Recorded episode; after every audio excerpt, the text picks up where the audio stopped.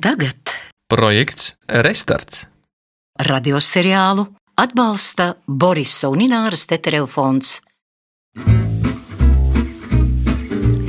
Luīzes Pastoras detektīvu stāstu sērija bērniem Mākslas detektīvi aicina nokļūt mākslas aizkulisēs, dodoties piedzīvojumu un noslēpumu pilnā pasaulē, kas atrodas otrpus gleznām. Vai mākslas darbi patiešām var atdzīvoties? Un kā būtu, ja varētu iekāpt gleznās un piedzīvot tajās uzgleznotos stāstus? Vai mākslas pasaulē viss ir iespējams? Vai mākslas muzejā varētu norisināties lielākā pakaļdzīšanās mākslas pasaules vēsturē? Kādi piedzīvojumi gaida mākslas detektīvus Pogu un Teo, un vai viņi tiešām spēs ietekmēt mākslas pasaules notikumus, jūs tūlīt uzzināsiet Luīzes Pastoras stāstā Neredzamais cilvēks. Pagaidiet, pagaidiet, pagaidiet! Tā kā šajā sērijā sāksies lielākā pakaļdzīšanās mākslas pasaules vēsturē, lai atklātu, kur palicis komats un kas ir zābakos iemitinājies neredzamais cilvēks, kopā ar stāstā varoņiem būsim arī mēs. Es, režisors Juris Jonelis, skaņu režisors Girts Bišs un Edmunds Freibergs, kurš pavisam nemanāmi pieskatīs jaunos detektīvus viņu piedzīvojumos pasaulē otrpus gleznām. Vispirms man ir jāizstāsta, kas notika iepriekšējā sērijā. Teo un Poga muzejā sastapās ar Elijas Rozentālas un Jāņa Rozentāla portretiem. Noskaitījuši maģisko pantiņu, jaunie detektīvi kļuva par šiem pašiem lieliem māksliniekiem.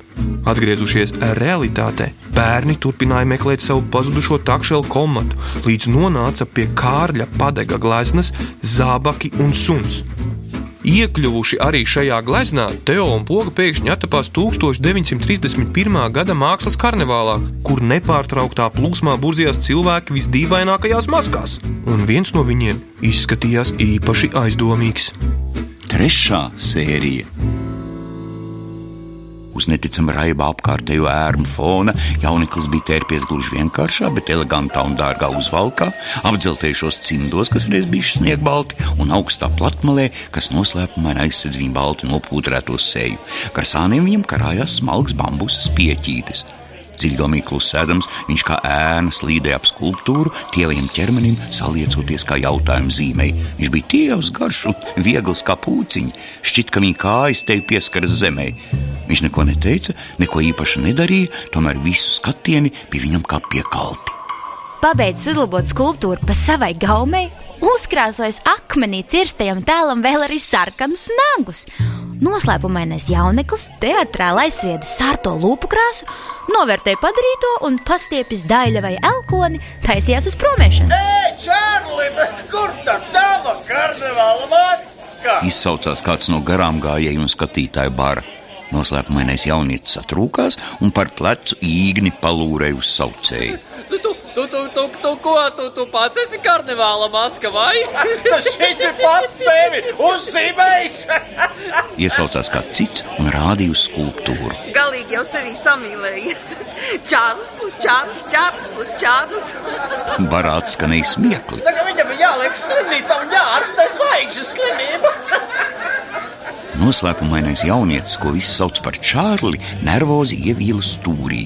Uzmet kūkumu kā lielu jautājumu zīmi, viņš no kabatas izvilka elegantu iemuti un aizsmēķēja dūmu tērcītei, iestiepjoties augstu, augstu griestos.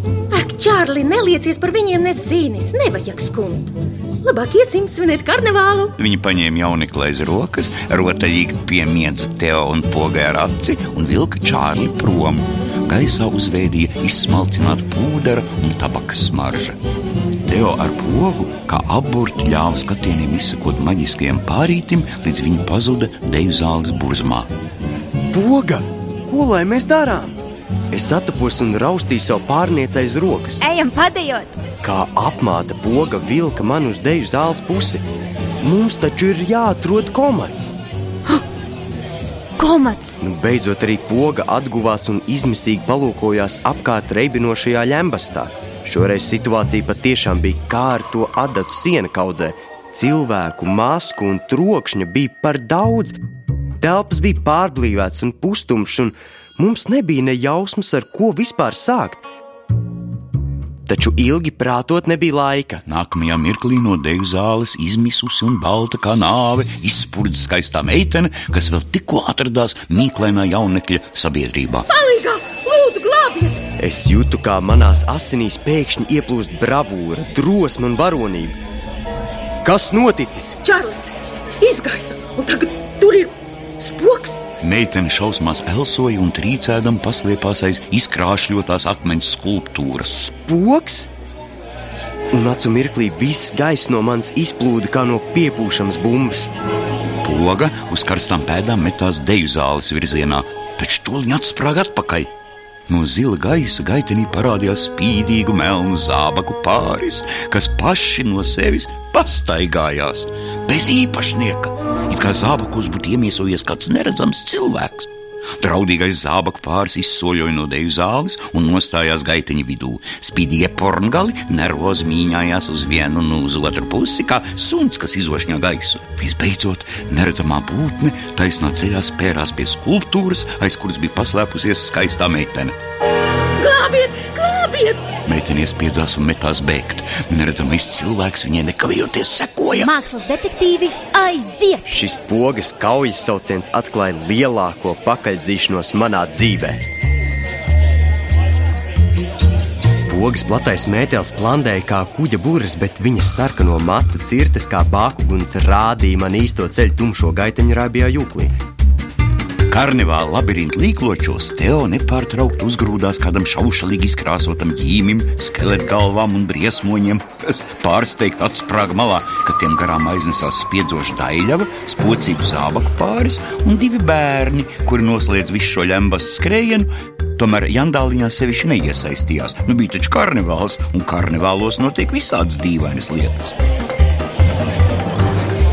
Pretim jautri smiedamies plūda ļaužu bari. Es izmisīgi spraucos tiem cauri, kamēr kāds man aizķēra, cits netīšām pagrūda, vēl kāds aicināja sev līdzi, līdz beidzot šajā virpulī man sajuka visas četras debesu puses. Pogu es vairs neredzēju. Kaut kur tālumā dzirdēju daļavas izmisīgos saucienus, tomēr nevarēju noteikt, no kuras puses tie skanēja. Man garām turpināja burzīties cilvēku masas. Jūtu, ka manī kā pa vulkānu augšu kāp satraukums un neziņa. Tikai tagad es sapratu, ko īsti nozīmē teiciens augstas kājas. Tas nav tad, kad ziemā stundām ilgi es nodzīvojies pa sniegu kaujām un salst kājas. Tas ir tad, kad uztraukums kā karsta lava sakāp galvā un pēdas paliek pavisam augstas un ļenganas. Tādā garā prātojot, es vēl ilgi būtu maldījies turpu šurpu pa nepazīstamo gaiteni, ja vien pēkšņi nedzirdētu kādu pazīstamu skaņu. Kaut kur no lielās burzmas atskanēja suņa reizes, un tad es viņu ieraudzīju. Putām pār lūpām nikni riedams, svarīgi uzpūties kā bezbailīgs drošsirds šurp nesās vecais, labais komats. Tajā brīdī resnais takšels man šķita kā īstenis varonis. Suns, dzīvības glābējs. Gries pa labi! Es izdzirdēju īsu pavēli, palūkojos apkārt, taču tā arī nesapratu, kas to būtu teicis. Veltīs man īsu rējienu, komats apņēmīgi aiznesās garām, iestūrādams apaļo ķermeni sānu gaitenī. Es tūliņ viņam sekoju. Mēs izlavierējām starp maskām un dekorācijām, izskrējām cauri atpūtas zālei, ēdam zālei, augšu pa lielajām kāpnēm, skrējām cauri mazgājamai telpai, pa neskaitāmiem šauriem gaitiņiem, pa mazajām kāpnēm, pa labi un pa kreisi, līdz beidzot komata nekļūdīgais deguns panāca pogu. Kur tu paliki? Es viņus pazaudēju, tevi gaidīdama. Tad poga aprāvās, ieraudzījis Bruno takšeli, kas atkal redzēšanās priekam nemirkli netērēdams laiku, aizļapatoja viņai garām. Poga veltīja man pārsteigtu, bet atzinīgu skatienu. Sīkāk paskaidrot nebija laika, jo vaininieka astes gals jau atkal pazuda ap stūri. Mēs uzkrājām līdz pašiem bēniņiem un ieslīdējām kādā šaurā zemā gaitenī. Pie tālākajām durvīm komats bezspēkā atkrita un elsdams un pūzdams hipnotizēja durvju rokturi. Kaut kur tālu lejā atbalsojās karnevāla troksnis. Vareni, komat labs puika! Poga metās savam takšelim ap kaklu, bučoja viņu un atzinīgi kasīja sānu. Kalmats šādas mīlestības izpausmes pieņem visai stīvi. Viņš turpināja blēst uz durvju rokturi un aizelsies rūca aiz pārpūles, klepodams, šķaudīdams un gārgdams. Trakais skrējiens aiz lielas mīlestības labi nobarotiem šunelim nebija no vieglajiem. Aiz durvīm izdzirdējām meitenes raudas. Poga veltīja man zīmīgu acu skatienu. Ejam iekšā! Es minstinājos. Nesaki, ka tev ir bail! Protams, nē, bet mums vajadzīgs plāns. Kārtīgs detektīvs tādām lietām netērē laiku. Beidz teoretizēt, ejam iekšā. Es gribēju visu paskaidrot. Detektīviem taču nepietiek vienkārši ar pakaļdzīšanos, ir vajadzīgs visu izskaidrot, uzzināt faktus, izostīt apstākļus un tā tālāk.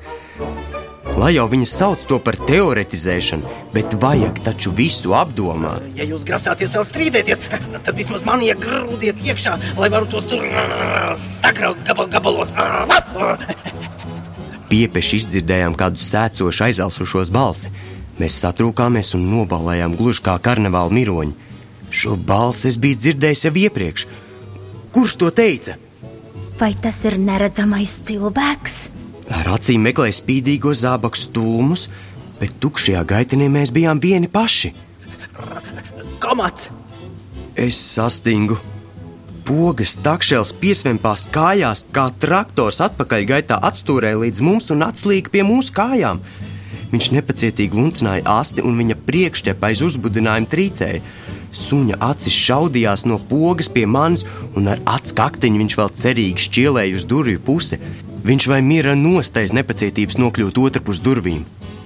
Komat, Poga runāja lēni, kā sazinoties ar kādu citplanētieti. vai tu runā? Kādas muļķības! Suņi nevar parunāt poga! Varu gan, grūti nākas, bet es runāju. Komats nekavējoties atrēja un nošķaudījās. Suns nervozi piesvempās kājās, kaujas gatavībā atgriezties pie durvīm, taču tā arī nesagaidīs īsto komandu, ar dziļu nožēlas smilkstu atkal apsēdās. Cik brīnišķīgi! Es taču zināju, zināju, ka kādu dienu tu sāksi runāt. Poga sajūsmā apskauta akšeli. Nu, Tas bija kaut kas neticams. Kur tas ir redzēts, ka suns sāktu runāt? Tas taču nav iespējams. Jā, nu, jā, nu vienīgi gleznu pasaulē. Galu galā te arī zābaki pastaigājās paši aiz brīvu prātu. Gribu graust, gribu sagraust tos tur un beigta balle. Komats nosmilkstēja skaidrā latviešu valodā. Tos tur? Zābakus tur iekšā, kā es tikai dabūtu tajos iekosties, kā es gr gr graustu. Jau muzejā man viņi nepatika.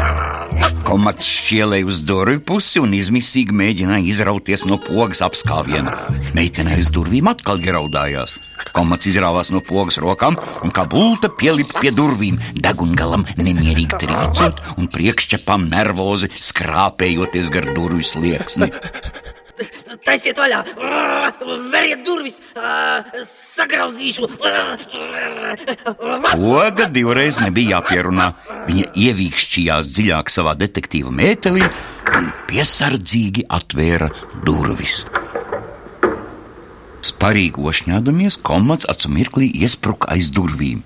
Telpa bija stāvgrūdām pārbāzta ar gleznām, skulptūrām, molbertiem un visdažādākajiem gleznošanas darbarīkiem. Gleznas bija uz sienām, pie griestiem, citi pie citas sakrauts uz grīdas, stūros un kaktos, un citi virs citas lielās kaudzēs, bet taciņas starp tām veidoja nepārredzamus līkloču labirintus.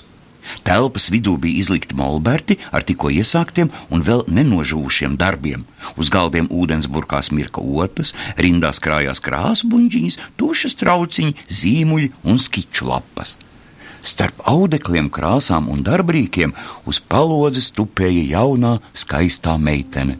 Kājas pie vēdera pievilkusi un galvu ceļgalos iespiedusi, viņa izbailēs trīcēja un drebēja. Tēti, cik labi, ka jūs atnācāt! Viņš tepat vien kaut kur slēpjas. Meitene metās mums ap kaklu. Sīciņais trauslais augums drebēja. Mēs dzirdējām, kā komats skaļi urkšķēdams un ošņādamies bakstās cauri gleznu labirintiem. Kas īsti notika? Es nesaprotu. Es biju kopā ar savu draugu, Čārli. Jūs taču mūs redzējāt. Un mēs kā alaši strīdējāmies par to, vai iesim dejot. Ak, bet Čārlis nekad nedejo. Es uz īsu brīdi novērsos, lai sasveicinātos ar draugiem, un tad notika kaut kas šausminošs. Čārlis pazuda. Nu, Kā gaisā izkūpējis. Skatos, man pie kājām ēdais vien Čārlis zābaki. Gribēju tos pacelt, bet, bet kāds neticams spēks gluži kā ar neredzamu roku mani parāva nost. Ak, tu tētīt! Ak, tu tētīt! Meitene purināja īsi apgrieztos matus un ierāva galvu plecos.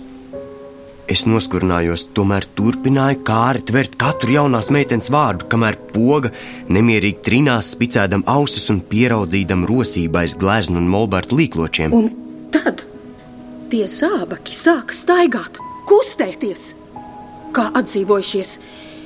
It kā kāds neredzams cilvēks tos vadītu un vilktu man sev līdzi. Bet, bet kur palicis Čārlis? Es gribu zināt, kas ar viņu noticis. O, to mēs noskaidrosim. Mēs atradīsim, kas iekāpis viņa zābakos. Poga berzēja rokas un jau bija gatava mesties prom, skriet, ķert, dzīties pakaļ un medīt neredzamo cilvēku Čārļa zābakos. Mums tomēr vajadzētu uzzināt kaut ko vairāk par pašu Čārli. Lai atklātu kādu noslēpumu vai vēl trakāku noziegumu, vispirms nepieciešams noskaidrot visus faktus par cietušo. Visiem detektīviem tas bija skaidrs. Nu, arī poga apdomājās.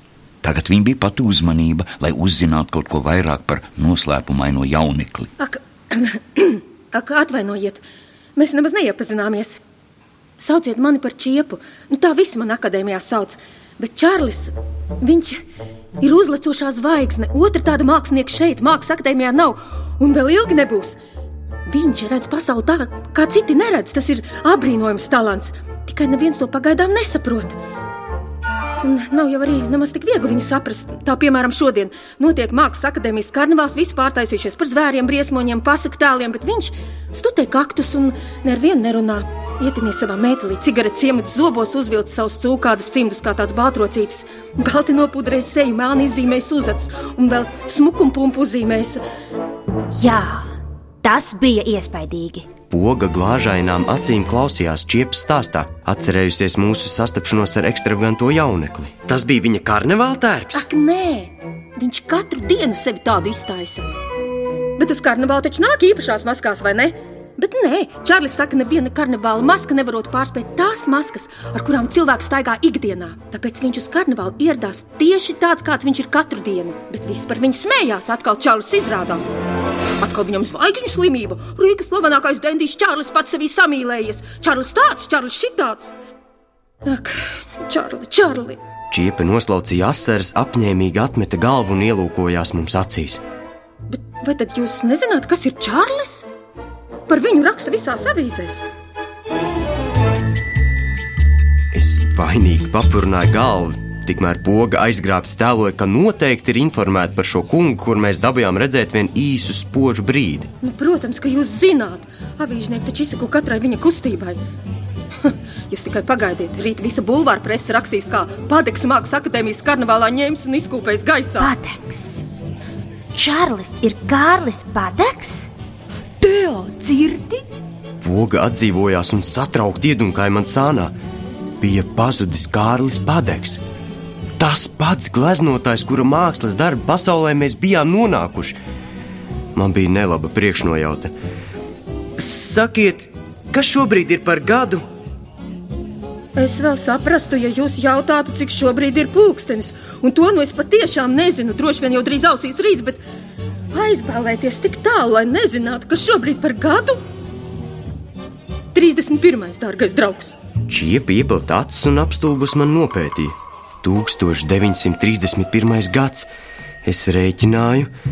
Mākslas muzejā mēs ar pogu izlasījām, ka zābaki un suns tapa 1935. gadā. Ja slavenais Kārlis Padeks, jeb kā čiepa viņu dēvēja, Čārlis bez pēdām pazudīs tagad, tad gaisā izkūpēs visi viņa vēl neuzgleznotie darbi, un ar visu vēl netapušo zīmējumu izgaisīsim arī mēs. Tas sāk kļūt par dzīvības un nāves jautājumu. Padeks bija jāatrod.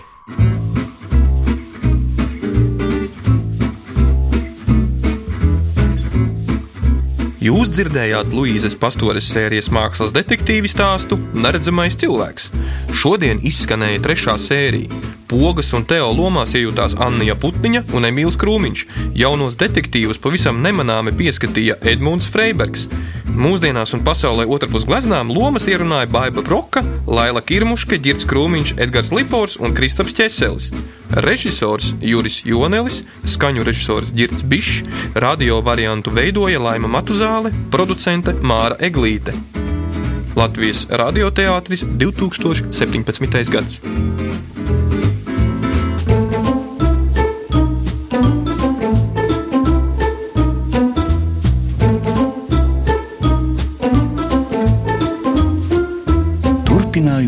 Sekos. Projekta Restarts ietvaros tapušo radioseriālu atbalsta Borisa un Ināras Tetereva fonds Teātris iedvesmo.